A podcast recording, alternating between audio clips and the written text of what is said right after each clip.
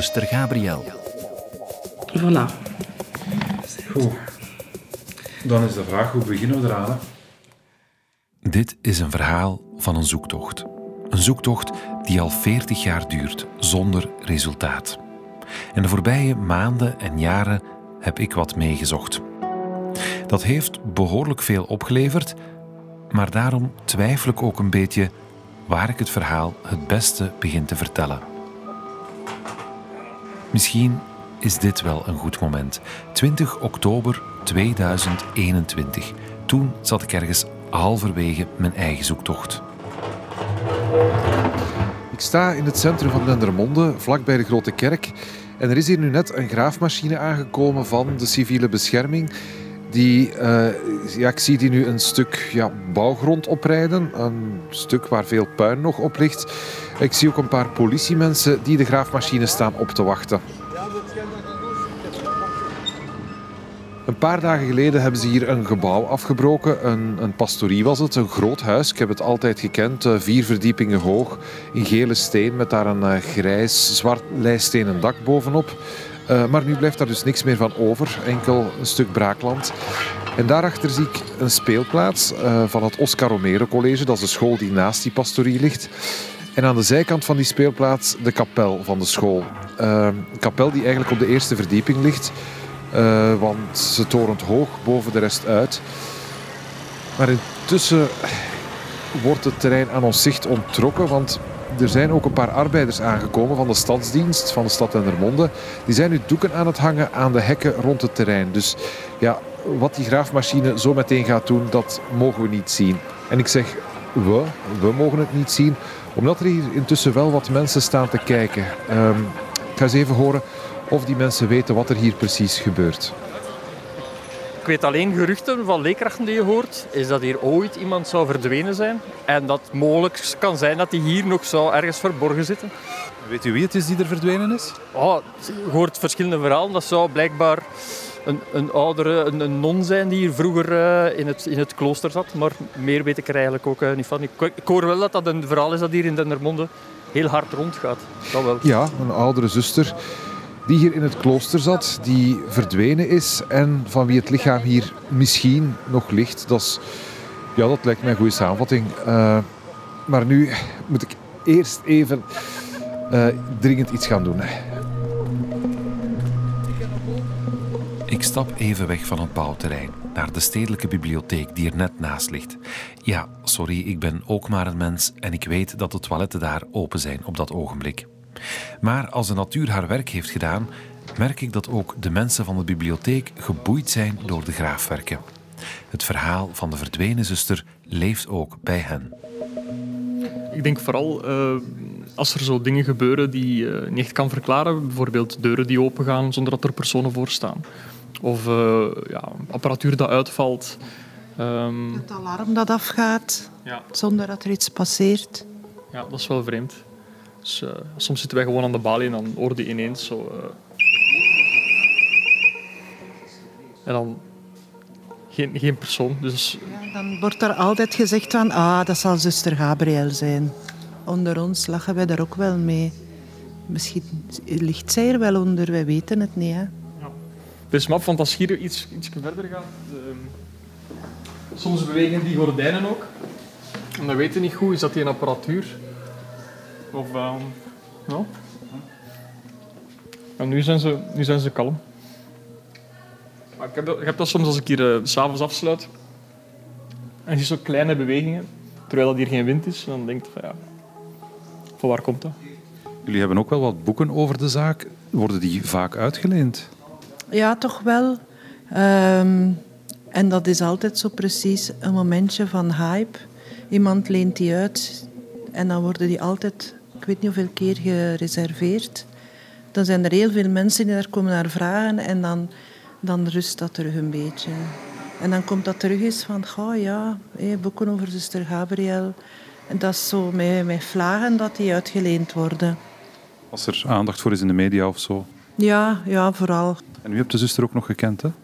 Ik heb daar eventjes les van gehad, maar ze was natuurlijk wel gekend op school als de zeer vrijgevochten zuster. die technisch tekenen gaf en die dan vooral zeer veel luide muziek speelde tijdens haar lessen.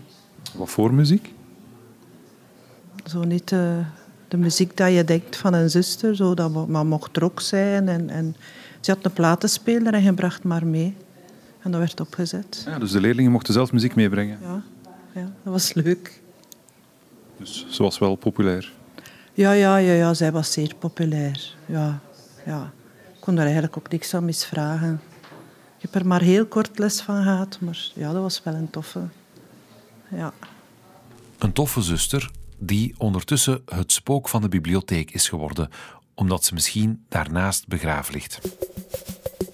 Ik bedank bibliothecarissen Veerle en Laurens en ga terug op het bouwterrein kijken, want daar heb ik een speciale afspraak.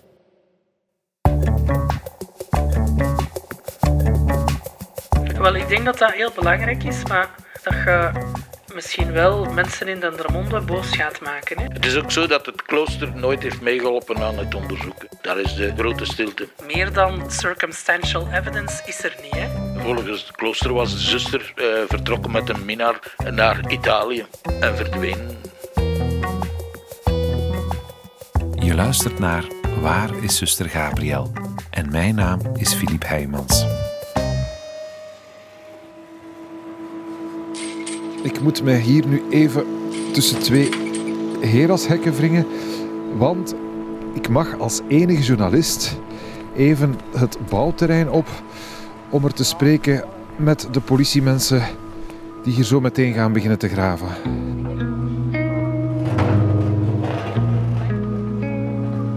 Alles is uh, afgebroken, het is heel moeilijk om ons te oriënteren.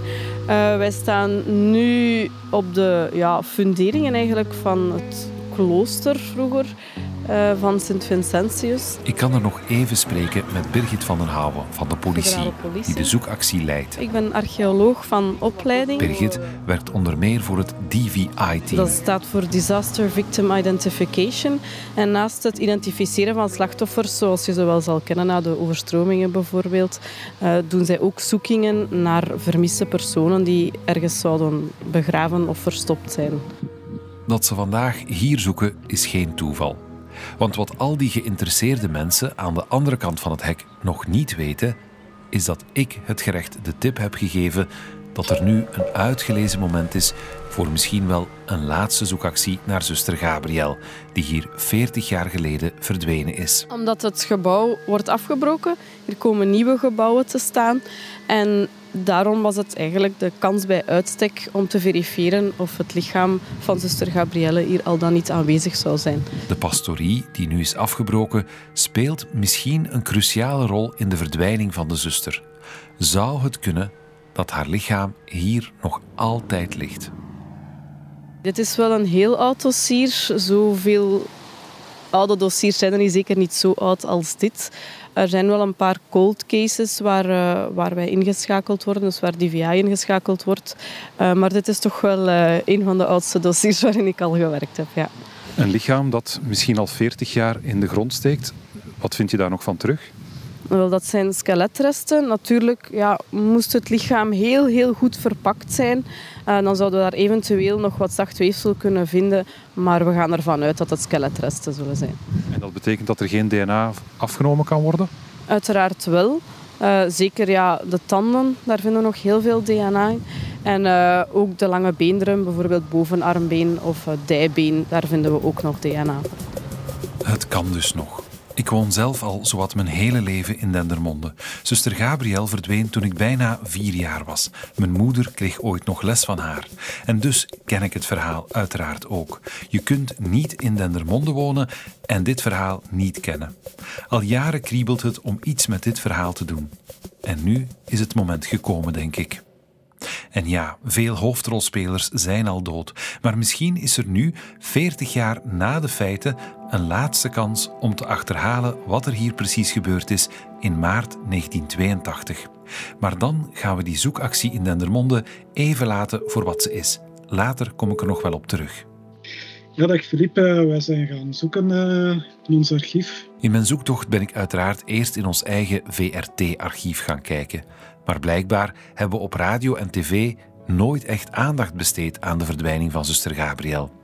En Maarten van de documentatiedienst van de VRT is voor mij in de krantenarchieven gedoken. Hebben jullie iets gevonden over zuster Gabriel?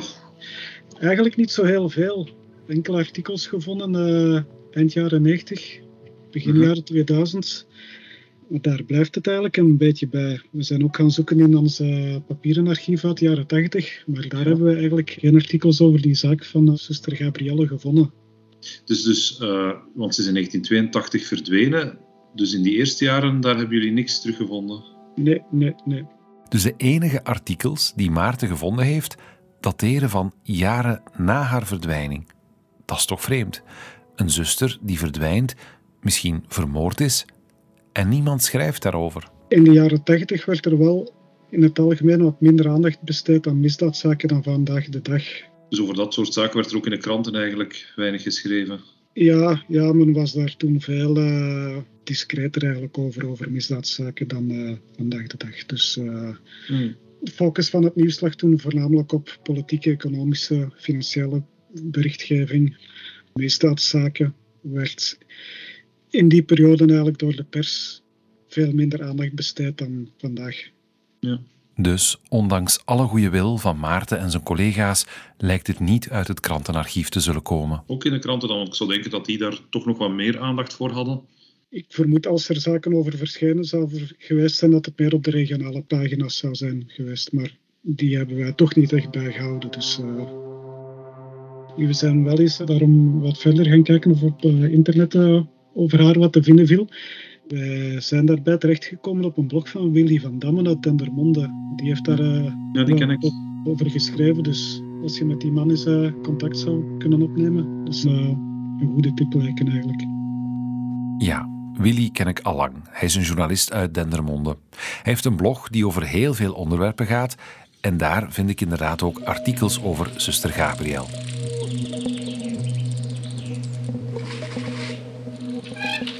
Ik maak een afspraak met Willy.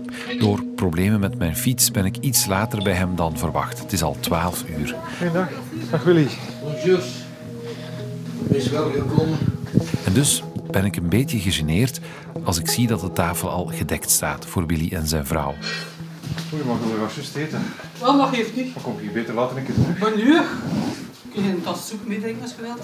Anders kom ik op een ander moment een keer terug. Zeg. Geen probleem. We gaan in de zetel zitten. Willy schreef vroeger voor kranten en tijdschriften, tegenwoordig alleen nog voor zijn blog, waar hij over heel veel onderwerpen schrijft. Freelance journalist sinds uh, 1978. Veel buitenland, uh, China, Syrië, uh, Oekraïne, want ik ben juist nu bezig met een groot verhaal aan het voorbereiden rond Oekraïne. Maar het verhaal van zuster Gabriel intrigeert hem ook allang. En dat is een uh, blijvend mysterie natuurlijk, omdat het uh, probleem van de zaak is dat er geen lijk is. En uh, de vermoedelijke dader, Gaston Morny, die directeur was van het klooster op het ogenblik van haar verdwijning, die is dood, die is gestorven in 2001.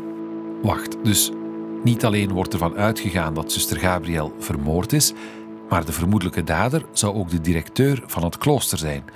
Een priester dus. Ja, een beetje een eigenaardigheid, want het, was uiteraard een nonnenklooster. Uh, dus geen mannenklooster, maar hij was wel de directeur ervan.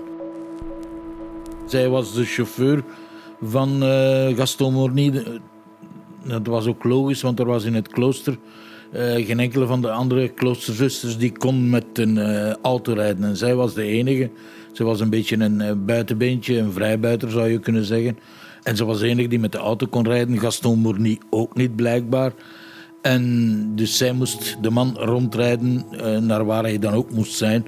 En dat bleek dat dat niet altijd de zuiverste, zeker niet voor een priester, dus oor, oorde van verderf om het zo te noemen. Dat te maken met porno, drugs en ook uh, pedofilie. Daar zou hij mee bezig geweest zijn. Daar was hij alleszins van verdacht. En daar waren beschuldigingen in het verleden uit. Toen hij eerst uh, hij was ingetreden bij de Norbertijn in Grimbergen. En is dan gaan helpen onderwijs geven in een school in Vilvoorde. Daar is hij betrapt geworden met kinderen. En is hij dan uh, door het aartsbisdom verplaatst naar Dendermonde, naar het uh, Sint-Vincentius College, waar hij directeur was. Niet van de school, zoals soms geschreven werd, maar feitelijk alleen van het klooster. Maar gaf wel les. Dit begint stilaan op een filmscenario te lijken. Dus zuster Gabriel was de chauffeur van de priesterdirecteur van het klooster en zij zou ontdekt hebben dat hij zich bezig hield met allerlei onfraaie dingen en daarom zou hij haar vermoord hebben. In 1982 is dan die ruzie geweest, dus uh, op zeker ogenblik s'avonds was er een heel luide, zeer harde ruzie tussen uh, zuster Gabrielle en... Uh. En de volgende dag was zij verdwenen. Willy schetst een heel verhaal dat op zich wel zou kunnen kloppen. Zuster Gabriel weet te veel, ze krijgt ruzie met de priester-directeur en de volgende dag is ze verdwenen. Zo schrijft hij het op zijn blog en zo lijken wel meer mensen het te kennen. Het is een stadslegende geworden, ook omdat natuurlijk haar broer, die heeft hier Elke maandag als het marktdag is, liep hij rond met een groot bord. Waar is mijn zuster? Dat viel op natuurlijk. Hè. En Morny was ja, gekend natuurlijk, uiteraard. Hij moet op zeker ogenblik, maar eh, dat is mij verteld, eh, op straat waarschijnlijk dronken, s'nachts uh, geroepen hebben: Ik ben de moordenaar, ik ben de moordenaar enzovoort.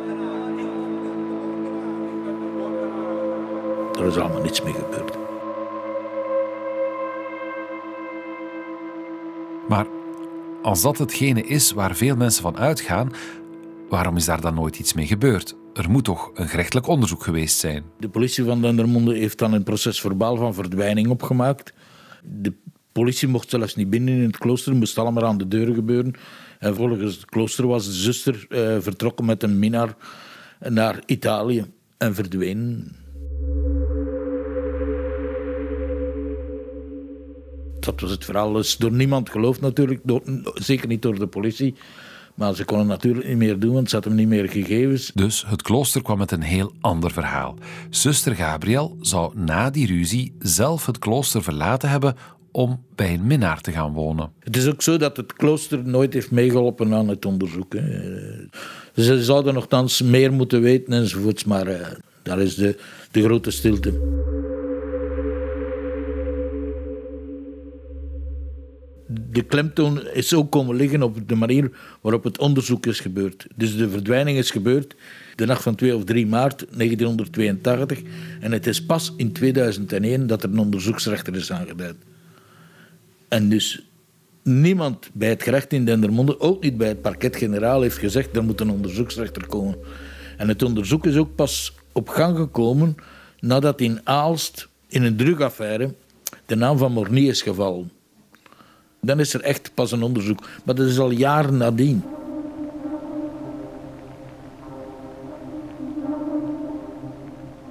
Een mogelijke moord in een klooster door een priester, het klooster dat een ander verhaal verzint en het gerecht dat de zaak niet grondig wil onderzoeken.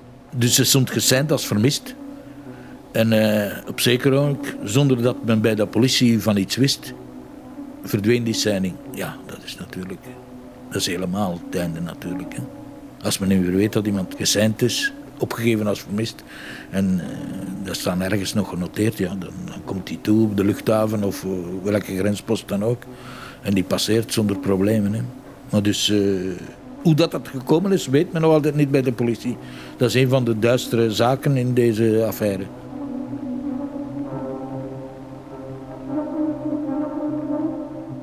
Ik blijf met veel vragen. Klopt dat verhaal? Dat Gabriel te veel wist en daarom vermoord is? Wisten de andere zusters daar dan niet van? Is ze niet gewoon weggelopen? Want ik hoor veel veronderstellingen, maar ik hoor geen bewijzen. Daar is nooit een bewijs op gedoken. Was er echt een doofpotoperatie bij het gerecht? Of vond men in die tijd een verdwijning gewoon niet zo belangrijk? En vooral, kan zuster Gabriel nog gevonden worden?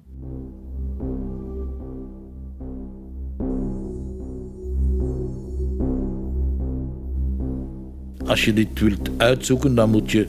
Ja, dat, is, dat vergt weken en weken en weken. Hè. Uh, dat is niet simpel. Ik heb feitelijk, eerlijk gezegd, uh, alleen aan de oppervlakte gewerkt. Er valt zeker nog wat te zoeken, ja, absoluut. absoluut. Daar is geen twijfel over. Maar uh, ja. ja, het is, het is nu 40 jaar later. Denk je dat ooit nog naar boven zal komen? Zou het mij misschien nog lukken om de waarheid te achterhalen? Geen idee, geen idee. Alles is mogelijk in de wereld. Ja, niemand in de monden, denk ik, gelooft het nog. Dat het ooit de waarheid zal bovenkomen.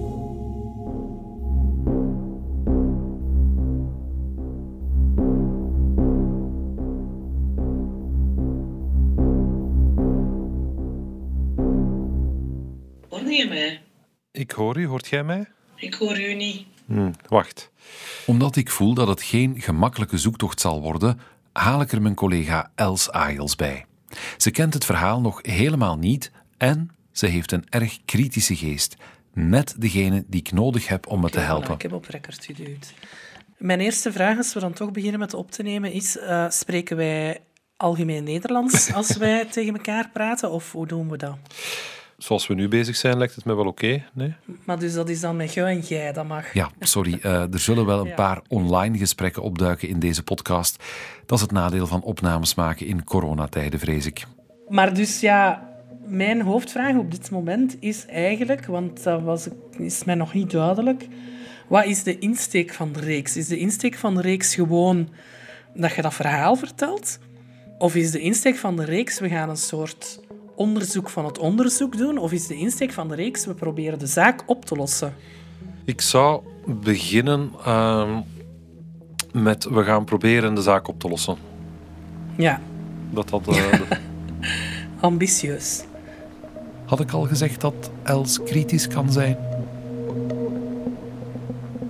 Ik ga wel, allee, ik neem ook een beetje aan dat dat mijn rol is, maar ik ga wel ook zo'n beetje advocaat van de duivel spelen. Ja, graag.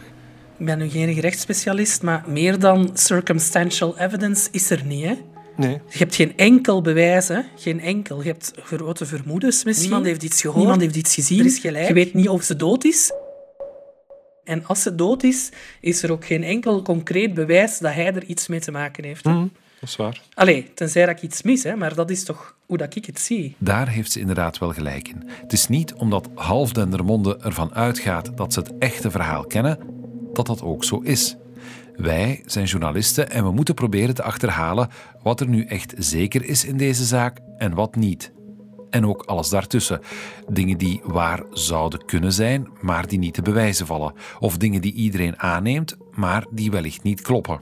Wel, ik denk dat dat heel belangrijk is, maar daar zijn het denk ik wel mee eens dat je misschien wel mensen in Dendermonde boos gaat maken. Hè? Allee, ik denk als we daar een podcast van willen maken die het label VRT Nieuws heeft, dan moeten we ook objectief zijn en dan moeten we niet gewoon meegaan in het verhaal. Hè? We moeten zeggen van kijk, dit is wat we zeker weten en dit zijn allemaal veronderstellingen, hè, waar misschien aanwijzingen voor zijn, maar waar we geen concrete bewijzen van hebben. Mm Ja, volledig mee eens. En Els komt meteen met nog een paar bijkomende vragen. Kijk, ik wil best geloven dat die pastoor haar vermoord heeft. Dat zal wel kunnen. Waar ik wel mij veel meer vragen bij stel, is hoe iemand erin slaagt om dat te doen zonder dat iemand dat merkt of zonder dat iemand, om het cru te zeggen, achter zijn gat de rommel heeft opgeruimd. Mhm. Als je snapt wat ik bedoel. Mhm. Daar heb ik op dit moment wel veel meer vragen bij inderdaad, ik kan mij voorstellen dat hij een opwelling... Ik kan me zelfs misschien nog voorstellen dat hij er zo genoeg van had dat hem dat heeft gepland. Maar je moet het dan ook nog doen zonder dat iemand het merkt. En je moet daarna ook dat lichaam nog doen verdwijnen. Dat zijn Mm. toch geen dingen die je in je eentje doet, denk ik. Of allee, toch, dat ver- verwacht ik toch niet van iemand die... Allee, ik ken die mensen niet, maar met dat soort persoonlijkheid, dat hij daarin slaagt om dat dan ongemerkt en in zijn eentje op te lossen. Nee. nee, nee, dat is waar. Daar had ik ook al aan gedacht. Dat een priester in een vlaag van woede een zuster doodslaat, daar kan ik me nog iets bij voorstellen. Maar om er dan meteen ook de perfecte misdaad van te maken, die ook na 40 jaar nog altijd niet opgelost is. En dan nog iets. Als die priester zich inderdaad zo misdroeg, was zuster Gabriel dan de enige die daar ooit iets van gemerkt heeft? Als ik het goed begrijp uit wat jij mij hebt verteld en wat ik er ondertussen over gelezen heb, zijn er heel veel vragen bij het gerecht is te laat begonnen met dat te onderzoeken. Hè. Maar er is ook het verhaal kerk natuurlijk. Hè. Ik kan mij niet voorstellen, dat is nog zoiets waar ik heel veel vragen bij heb, dat als die mens het zo uithing als dat ik moet begrijpen uit die getuigenissen, dat de kerkelijke oversten daar dat niet wisten. En als ze het wel wisten, waarom hebben ze dan niet ingegrepen voordat er iets gebeurd is? Dat klopt ook. Er wordt naar het klooster gewezen, naar het gerecht, maar ook de kerk heeft in dit dossier wel iets uit te leggen. Als je dat verhaal hoort, dan denk je zo van dat is zoiets uit de jaren 50 of 60, mm. vind ik. Wat is onze kindertijd? De jaren 80 is toch niet zo lang geleden. Hè? Nee, en toch, als je dan terugdenkt, als ik in het middelbaar zat, liep er daar op het college ook nog wel een priester rond waarvan iedereen wist dat hem zijn handen niet kon thuishouden. Maar goh, ja, hè. Allee, ja, dat is nu eenmaal zo. Hè. Ja, maar dat vind ik nog iets anders dan een moord te toedekken. Hè? Ja, dat is waar. Maar ik bedoel, de invloed van de kerk op dat moment, het respect dat er toen was, was toch nog veel groter. Het verhaal van zuster Gabriel speelt zich niet alleen af in mijn stad, maar ook in mijn jonge kindertijd. Een tijd waarin de kerk nog een pak meer te zeggen had dan nu. En hoewel ik mezelf uiteraard nog helemaal niet oud vind, denk ik dat ik toch nog zal schrikken hoe hard de wereld veranderd is sinds 1982. Ja, maar merci al. Ik hoop dat je het wat boeiend vindt. Ja, ja. Je weet, ik heb geschiedenis gestudeerd. Hè. Dit is eigenlijk een beetje een historisch onderzoek. Hè. Volgende keer spreek ik met de oud-leerlingen van zuster Gabriel die op haar zaten te wachten op de ochtend van haar verdwijning. En dan begonnen er ook zo wel die geruchten van ja, ze hebben ze iets aangedaan. En het feit dat er zo gereageerd werd, heeft mij altijd het gevoel gegeven dat ze al iets meer wisten.